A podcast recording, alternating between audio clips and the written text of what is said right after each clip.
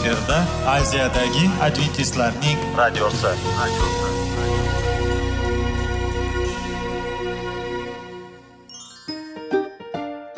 Assalomu alaykum aziz radio tinglovchilar.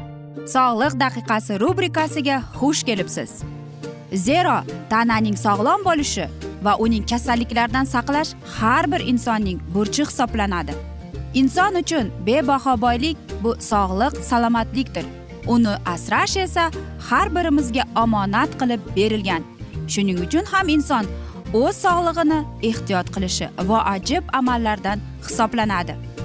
Dono xalqimiz sog'liq tuman boylik deb bejiz aytmagan. Aql idroq sohibi bo'lgan inson o'z hayotini qadrlashi lozim bo'ladi. Hozirgi kunda qanchalik dori darmonlar ko'paymasin tibbiy muassa sifati shifokorlar vasiyasi tibbiy texnika yaxshilanmasin. Agar insonning o'z salomatligi haqida qayg'urmasa kutilgan natijaga erishib bo'lmaydi va biz sizlarga bizning dasturimizga xush kelibsiz deymiz.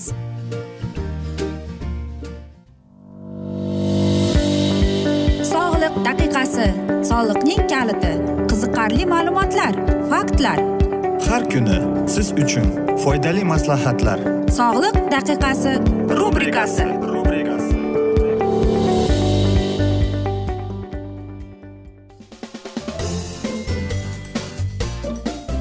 assalomu alaykum aziz radio tinglovchilar. Dasturimizga xush kelibsiz va biz sizlar bilan sog'liq formulasi degan dasturda xushvaqt bo'ling deb aytamiz. Va bugungi bizning dasturimizning mavzusi bu ataylab qilingan deb ataladi.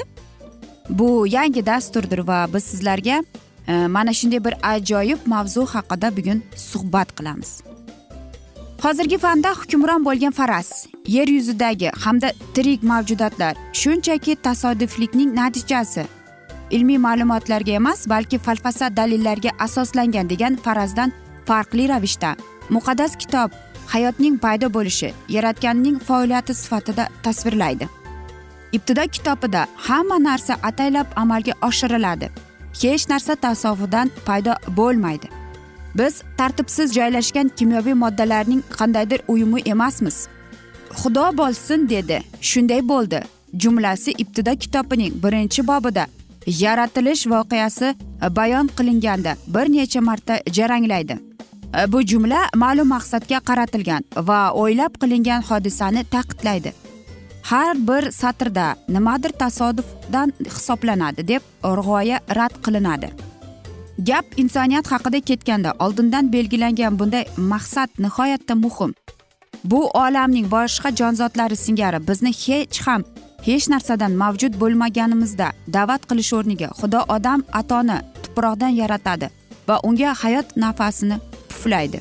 Xudo odam atoni tuproqdan yaratib o'sha paytda egamiz yerning tuprog'idan odamni yasab uning dimog'iga hayot nafasini pufladi. Shu yosin odam tirik jon bo'ldi deydi. Ya'ni bu haqida siz ibtido kitobining ikkinchi bob yettinchi oyatida o'qishingiz mumkin. Bu o'rinda yangilikning noyob dalili tasvirlanmoqda. Bu dalil boshqa narsalar orasida insonni xudo suratida yaratgan yagona mavjudot qilgan. Bu ibtido kitobining birinchi bob yigirma yettinchi she'rida yozilgan. Yaratilish jarayoni insonning yaratilishi bilan nihoyasiga yetadi. Bu esa besh kun davomida bularning hammasi biz uchun yaratilganini ko'rsatganday bo'ladi. Xudo insonni yaratgandan keyin dam oldi. Ibtido kitobining ikkinchi bob ikkinchi she'rini o'qishingiz mumkin. Chunki uning ishi nihoyasiga yetdi. Shu zaylda osmon osmon bilan yer hamda ulardan borliq mavjudot yaratilib bo'ldi. Ibtido kitobi ikkinchi bob birinchi she'ri. Masihiy yozuvchi yelena uayt yozadi. Yer juda ko'p jonzotlar va boy o'simliklar bilan to'la qilib yaratilgandan keyin xudo ijodining gultojon inson o'z mulkini egalladi. Qo'zi bilan ko'rib turgan narsalarning hammasi ustidan hukmronlik qilish unga berilgan edi. Xullas biz niyatning natijasimiz. Hozirgi falsafada hukmron bo'lgan g'oya singari tasodiflikning oqibati emasmiz deb aytmoqchimiz. Garchi ibtida kitobni yerda yerni xudo biz uchun maxsus yaratgan to'g'risida hikoya qilsa ham bizning planetamizdan tashqari joylashgan olam ham shu maqsadga xizmat qilishni tushunishga oxiri kashfiyotlar turtki bermoqda deydi. Bizning mavjudotligimizga barham berishga qodir bo'lgan zarracha chetga chiqishga yo'l qo'ymaydigan ko'plab aniq fizik miqdorlar kashf o'rtasidan qilindi deydi. Masalan elektromagnit kuchlari va tortish bo'lardi deydi. Matematik jon lenoks buni shunday tushuntiradi. Butun amerikani oygacha yetib boradigan ustun hosil qilib tanga pul bilan qoplab chiqing. Oygacha bo'lgan masofa uch yuz sakson ming kilometr deydi. So'ngra boshqa qit'atlarni ham shunday qiling. Bitta tangaga qizil rangga bo'yab o'sha tangalar orasiga qo'ying. Bitta odamning ko'zini bog'lab qizil rangga bo'yalgan tangani top deb iltimos qiling. Tangani topishga imkoniyat taxminan o'ndan birini tashkil qiladi. Boshqa ko'plab aniq fazoviy o'lchamlar jumladan yerdan quyoshgacha bo'lgan masofa yerning aylanishi tezligi uglerod atomlarining energiya darajasi koinotning kengayishi tezligi aynan bir holicha bo'lishi kerak edi. Aks holda insoniyat mavjud bo'lmagan bo'lardi. Olimlar bu ajoyib munosabatlarni antrop moslik deb atagan edilar. Antrop ya'ni grekcha so'z bo'lib inson demakdir. Moslik agar siz yaratgandan e'tibordan sokit qilsangiz bunday hayratomuz munosabatlarni faqat moslik deb aytish mumkin deyiladi. Bu hatto nomlangan moslik ibtido kitobni o'rgatganlarning to'g'ri ekaniga ishonishga yordam beradi. Biz o'zimiz uchun maxsus yaratilgan olamda yashamoqdamiz. Bu muhim chunki mazmuni va maqsadni anglash bizning sog'lig'imiz va baxtimiz uchun asosiy narsa hisoblanadi. Xolosni boshdan kechirgan psixiatr viktor frankl shunday deya tasdiqlaydi. Biz insonlar aslida shundaymiz. Biz o'zimiz mavjudligimiz ma'nosini Э, bilishimiz lozim. Aks holda biz umidsiz yashaymiz. Umid esa inson sog'lig'i uchun hal qiluvchi ahamiyatga ega deydi.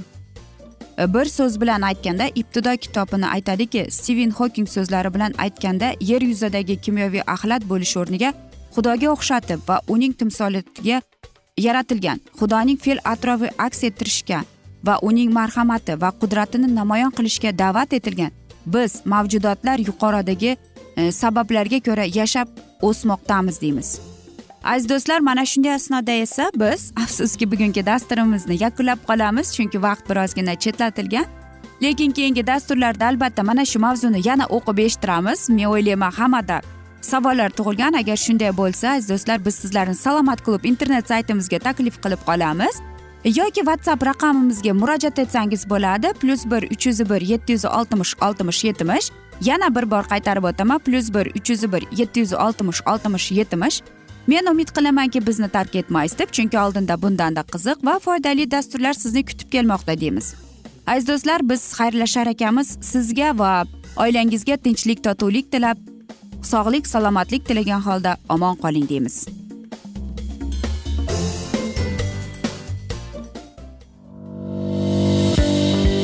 Sog'liq daqiqasi soliqning kaliti. Qiziqarli ma'lumotlar faktlar. Har kuni siz uchun foydali maslahatlar. Sog'liq daqiqasi rubrikasi.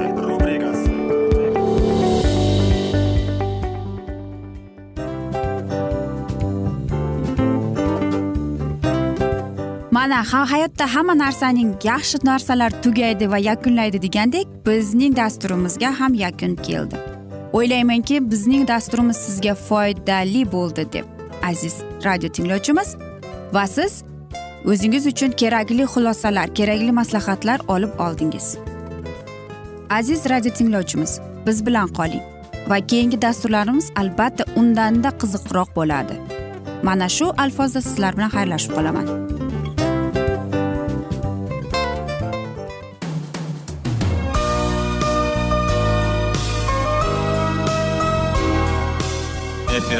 Aziyadagi adventistlarning radiosi.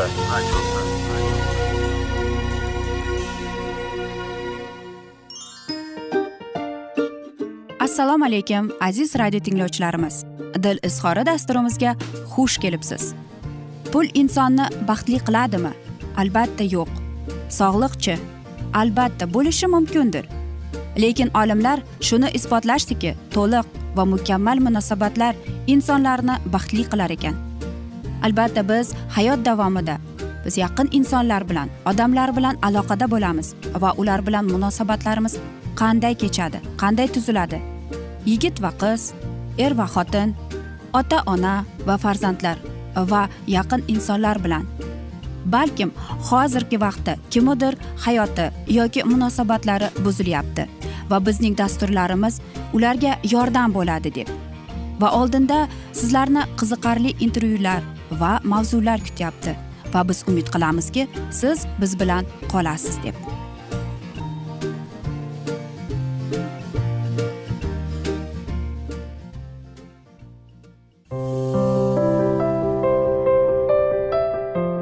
Kuni har xil kasbdagi odamlar bilan sirlashish va bo'lishish sevgi rashq munosabat bularni hammasi dil izhori rubrikasida.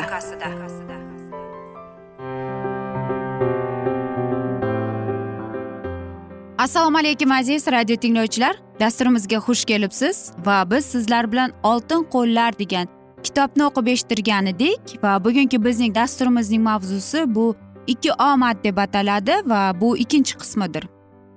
Bilasizmi onam bilan qaysi mahalda e, bahslashish befoyda edi? Onam menga doimo aytar ediki sen matematikadan yaxshi o'qishing uchun sen hamma narsani e, yodlab olishing kerak deb. Hech xonangdan chiqmaysanki qachonki jadvalni yodlab olmaysan deb. Men maktabdan qaytib onam uyda yo'q edi va albatta meni hattoki boshimga ham kelgani yo'qki o'zboshimchalik qilish. U bizni shunday tarbiya qilardiki biz doimo uni gapiga quloq solardik. Va albatta men mana shu jadvalni yodlashga tushdim va men uni qayta qayta shunchalik qayta aytaverdimki yodlab olmaguncha. Va onam menga va'da bergandek meni kechqurun kelib tekshirdi. Va albatta u maktabda menda qanday o'zgarishlar bo'layotgani haqida qanday yangiliklar haqida so'rab surishtirdi va albatta maktabdagi bo'lgan baholarimni eshitib u menga qo'llab quvvatladi. Va bilasizmi qachonki onam mendan so'raganda men doimo to'g'ri javob berishga harakat qilardim. Va bilasizmi onam e, vaqtida shunday bexosdan jadvalning e, so'rardi va men javob berardim. Va mana shu mahalda men onamning tabassumini ko'rganimda men xursand bo'lar edim. Qanday yaxshi. Qanchalik onam mening omadlarimni ko'rib xursand bo'lyapti u baxtli deb. Va albatta hamma narsa o'zgardi. Endi maktab menga shunchalik rohat keltirardiki hech kim hech qachon meni maktabda ustimdan kulmaydigan bo'ldi. Va onam esa e, faqatgina jadvalda to'xtab qolgani yo'q. U yana davom ettirdi. Onam menga shuni isbotladiki hamma narsani uddalasa bo'ladi. Qanchalik bizning hayotimizda mukammal e, jadv mana shunday e, chigal vaziyatlar bo'lmasin hammasi bizning qo'limizda. Xo'sh men shunday qaror qabul qildim. Sizlar ko'p televizor ko'ryapsizlar deb. Bilasizmi onam bir kun televizorni o'chiratib shunday so'z aytdi. Axir biz birozgina ko'ryapmiz xolosku deb aytdim. Ammo lekin onam o'zinikida turib oldi. Va e, menga bunday e, odatlar yoqmadi. Ammo lekin u bizdagi yaxshi o'quvchi bo'lish uchun undagi intilishlarni ko'rib menda hayotimning o'zgarishlarini ko'rdim. Xo'sh bugundan boshlab bir kuniga faqatgina uchta dasturlardan ko'rasizlaring haftasiga dedi. Haftasiga deb savol bersam ha dedi. Biz bilardik akam bilan bahslashning befoydaligini. Demak onam shunday qaror qabul qildimi? Demak shunday bo'ladi. Albatta kurtis unchalik ham gapga quloq solmas edi ammo lekin men harakat qilar edim. Maktabda baholarim yaxshilanish uchun. Albatta biz hayotdan u akam bilan omadsiz emas edik. Faqatgina biroz erkalardik. Onam doimo bilardiki o'zimizning bo'sh vaqtimizni biz televizorni oldida o'tkazmasligimizni. Sizlar e, mana shu kutubxonaga borishlaringiz kerak kitob olishlaring kerak. Sizlar ko'proq o'qishlaringiz kerak. Bir haftada kamida ikkitadan kitobni deb. Va e, dam olish kunlari sizlar menga aytib berarsizlar nima haqida o'qiganini. Menga bu narsa umuman qo'limizdan kelmaydi degan fikrni keltirar edi. Ikkita kitob bir haftada bu axir mumkin emas deb o'ylardik. Lekin bir hafta o'tdi yoki ikki haftami? Biz albatta kutubxonaga borib kitob tanlab va biz albatta jovrab javdirab kelib kitobni o'qib va kechqurun esa albatta onamizga aytib berdik nima haqida o'qiyotganimizni. Albatta biz ikkalamiz ham akam ikkalamiz ham tushunardikki onamiz biz uchun harakat qilyapti bizning kelajagimiz uchun. Eng asosiysi esa biz uni sevar edik. U bir kun menga shunday derdi. Benni mening quvonchim agar sen yaxshi o'qisang sen dunyoda nima bo'layotgani haqida bilasan ko'proq nima haqida bo'lyapti bilasanmi? Butun dunyo senga ochiladi deb aytdi. Mening bolalarim bu hayotda omadni keltiradi deb aytgan. Albatta beshinchi sinfda men hozir shuni eslayman. Onam nima haqida nimani nazarda tutib gapirganini. Nega sen bilasizmi ko'plab onalar onamga tanqid qilar edi. Nega sen bolalarni kitob o'qishga majbur qilyapsan deb. Axir ular sendan nafratlana boshlaydi onam shunda bir so'z aytardi. Ular meni nafratlanishi mumkin lekin ular dunyodagi eng yaxshi eng zo'r ta'lim oladi deb onam shunday javob berardi. Yo'q biz onamdan nafratlanmasdik. Biz sevar edik. Biz albatta tushunib yetardik. U bizning kelajagimiz uchun qilyapti. Va bir kuni onam menga aytdi. Sen doimo sen xohlagan narsang bilan shug'ullanishing mumkin benni dedi. Men e, tabiatni sevardim hayvonni sevardim va ko'plab e, mana shunday olimlik kitoblarni yaxshi ko'rardim. Shuning uchun ham men kutubxonaga borganda aynan shunday kitoblarni tanlar edim. Bilasizmi tabiat e, o'qituvchisi aytar edi. Va u mana shu qiziqishimni ko'rib u meni qo'llab quvvatladi. U menga ko'plab darslarni berdi. Men bilan ko'p vaqtini o'tkazishga harakat qildi. Va men ko'plab kitoblarni tanlab o'qib eshitdim. Aziz do'stlar ben karsonning hikoyasi mana shu joyda yakunlanib qoladi. Keyingi dasturlarda albatta mana shu mavzuni yana o'qib eshittiramiz. Afsus vaqt chetlatilgan lekin keyingi dasturlarda albatta mana shu mavzuni yana o'qib eshittiramiz. Va o'ylaymanki sizlarda savollar tug'ilgan agar shunday bo'lsa biz sizlarni whatsapp orqali suhbat qilishimiz mumkin. Plyus bir uch yuz bir yetti yuz oltmish oltmish yetmish aziz do'stlar. Va biz sizlar bilan xayrlashar ekanmiz sizlarga va oilangizga tinchlik totuvlik tilab. Seving seviling deb xayrlashib qolamiz. Omon qoling deymiz.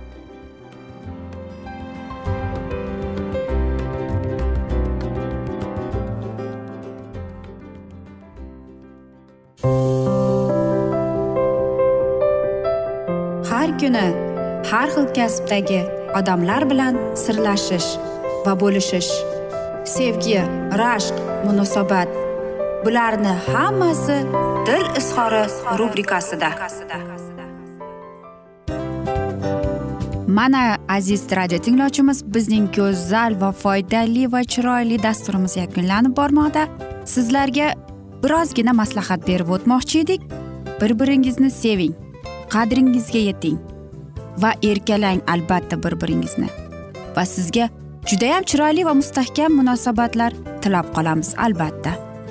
Sevgilingiz doimo yoningizda bo'lsin. Mana shu borada sizlar bilan xayrlashib qolamiz. Xayr.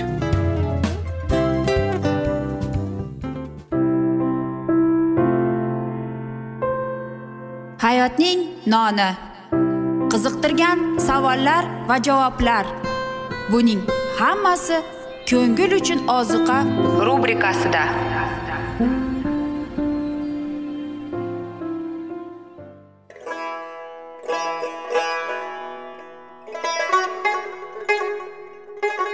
Assalomu alaykum aziz radio tinglovchilarimiz. Ko'ngil uchun oziqa rubrikasida xush kelibsiz deymiz. Siz haqiqatni izlayapsizmi? Olamnimi umidnimi siz kimga murojaat qilmoqchisiz? Odamlar ko'pincha siyosat kuchiga tayanadilar. Dunyo iqtisodiyoti holati tobora chuqurlashib bormoqda. Tabiiy ofatlar va texnogen halokatlar minglab insonlarning hayotini olib ketib juda katta zarar yetkazmoqda. Sizga abadiy hayot inomini hadya qiluvchi va hayotingizni tubdan o'zgartiruvchi haqiqatni izlab toping. Xudo haqidagi haqiqat uning kalomida mujassamlashgan. Kimki bu haqiqatni butun qalbi bilan izlasa albatta unga yetishadi. Bu sevgi xudoning tarixidir. Hayotingizda yoki sizning yon atrofingizdagi olamda nimalar yuz berishidan qat'iy nazar? Siz ertagi kunga buyuk umid va ishonch hosil qilishingiz mumkin. Hozirda xudo sizga taklif qilayotgan umid ishonchga o'z qalbingizni oching va sizni qiziqtirayotgan mavzularni savollaringizga javoblaringizni topib olasiz deb umid qilamiz. Biz bilan qoling.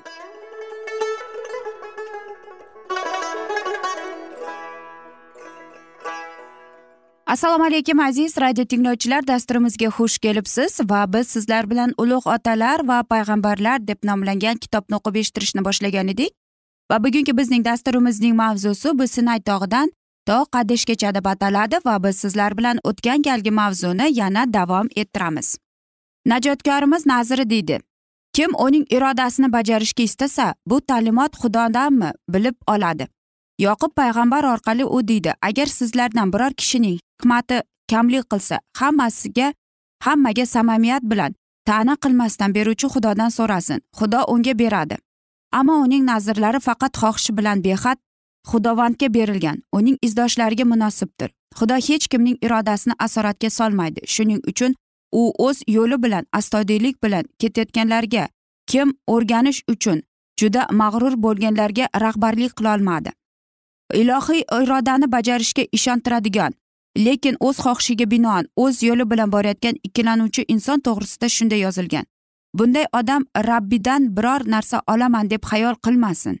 Xudo musoni tanladi va ustiga muqaddas ruhni yog'dirdi. Maryam va xorin esa o'z shikoyatlari bilan tanlagan dohiy il oldidagina aybdor bo'lmay balki shuningdek xudo oldida aybdorlar aybdor isyonchilar chodir eshigi oldiga yuborildilar va muso bilan yuzma yuz uchrashdilar va xudo bulutli ustidan tushdi va chodirga kirishda turib xorin va maryamni chaqirdi.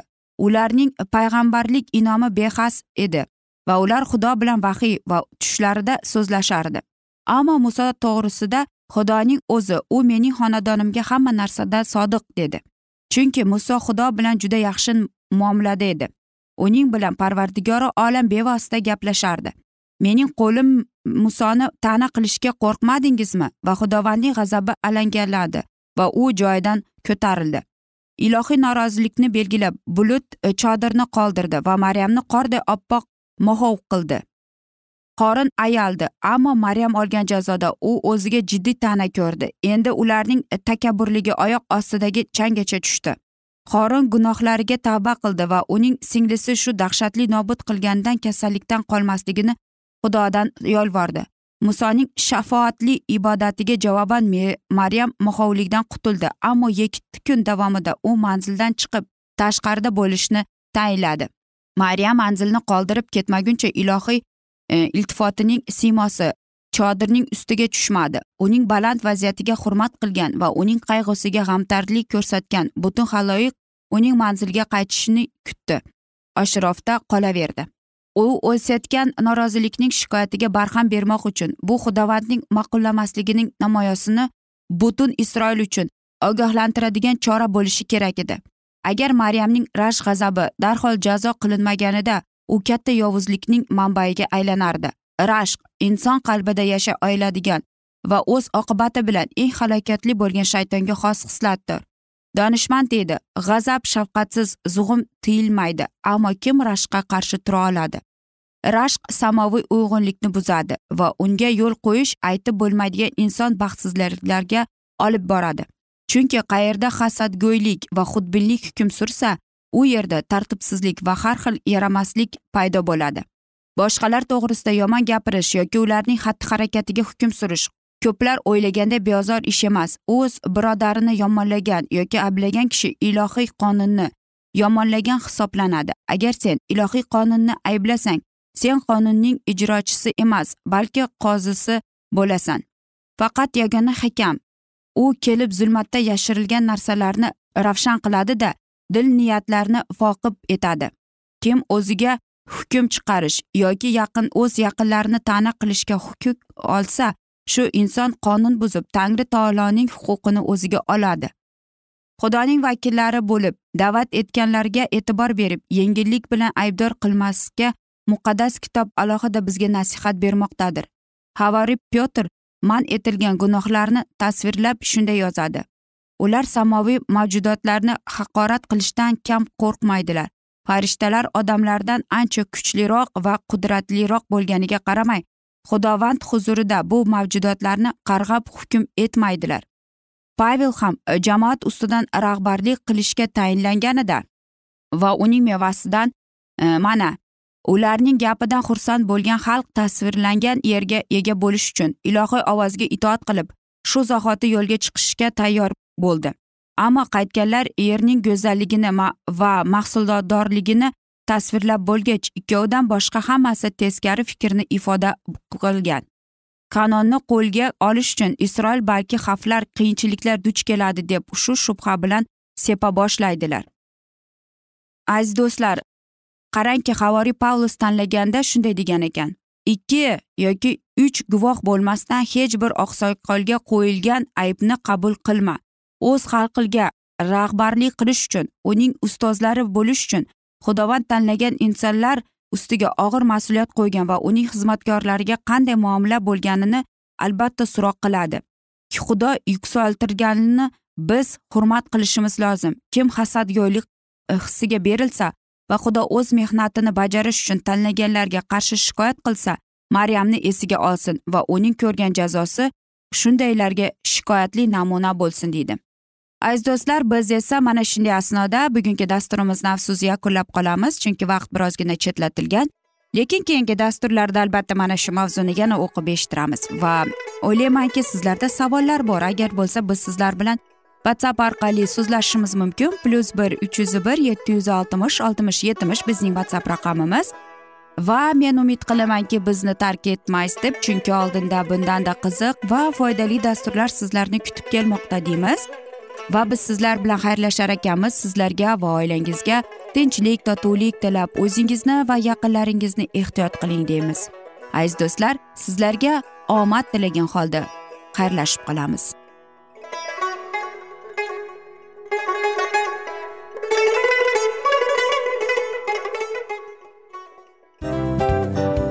A afsus afsus. Hamma yaxshi narsaning ham yakuni bo'ladi degandek bizning foydali va qiziqarli dasturlarimiz ham yakunlanib qoldi. Va men umid qilamanki bizning dasturlar sizga ozgina bo'lsada maslahat berdi foyda berdi. Va sog'liq borasida ayniqsa sizlarga foydali bo'ldi deb. Va siz bizning maslahatlarga amal qilasiz deb. Albatta keyingi dasturlarda undanda qiziqroq undanda foydaliroq ma'lumot berishga harakat qilamiz. Undada qiziqroq ko'rsatuvlar sizlarga hadya etishga harakat qilamiz. Bizni tanlaganingizga albatta sizlardan minnatdormiz. Sizlarga baxt omad va sog'liq tilab qolgan holda mana shu alfozda sizlar bilan xayrlashib qolamiz. O'zingizni ehtiyot qiling sog' bo'ling omad sizga xayr.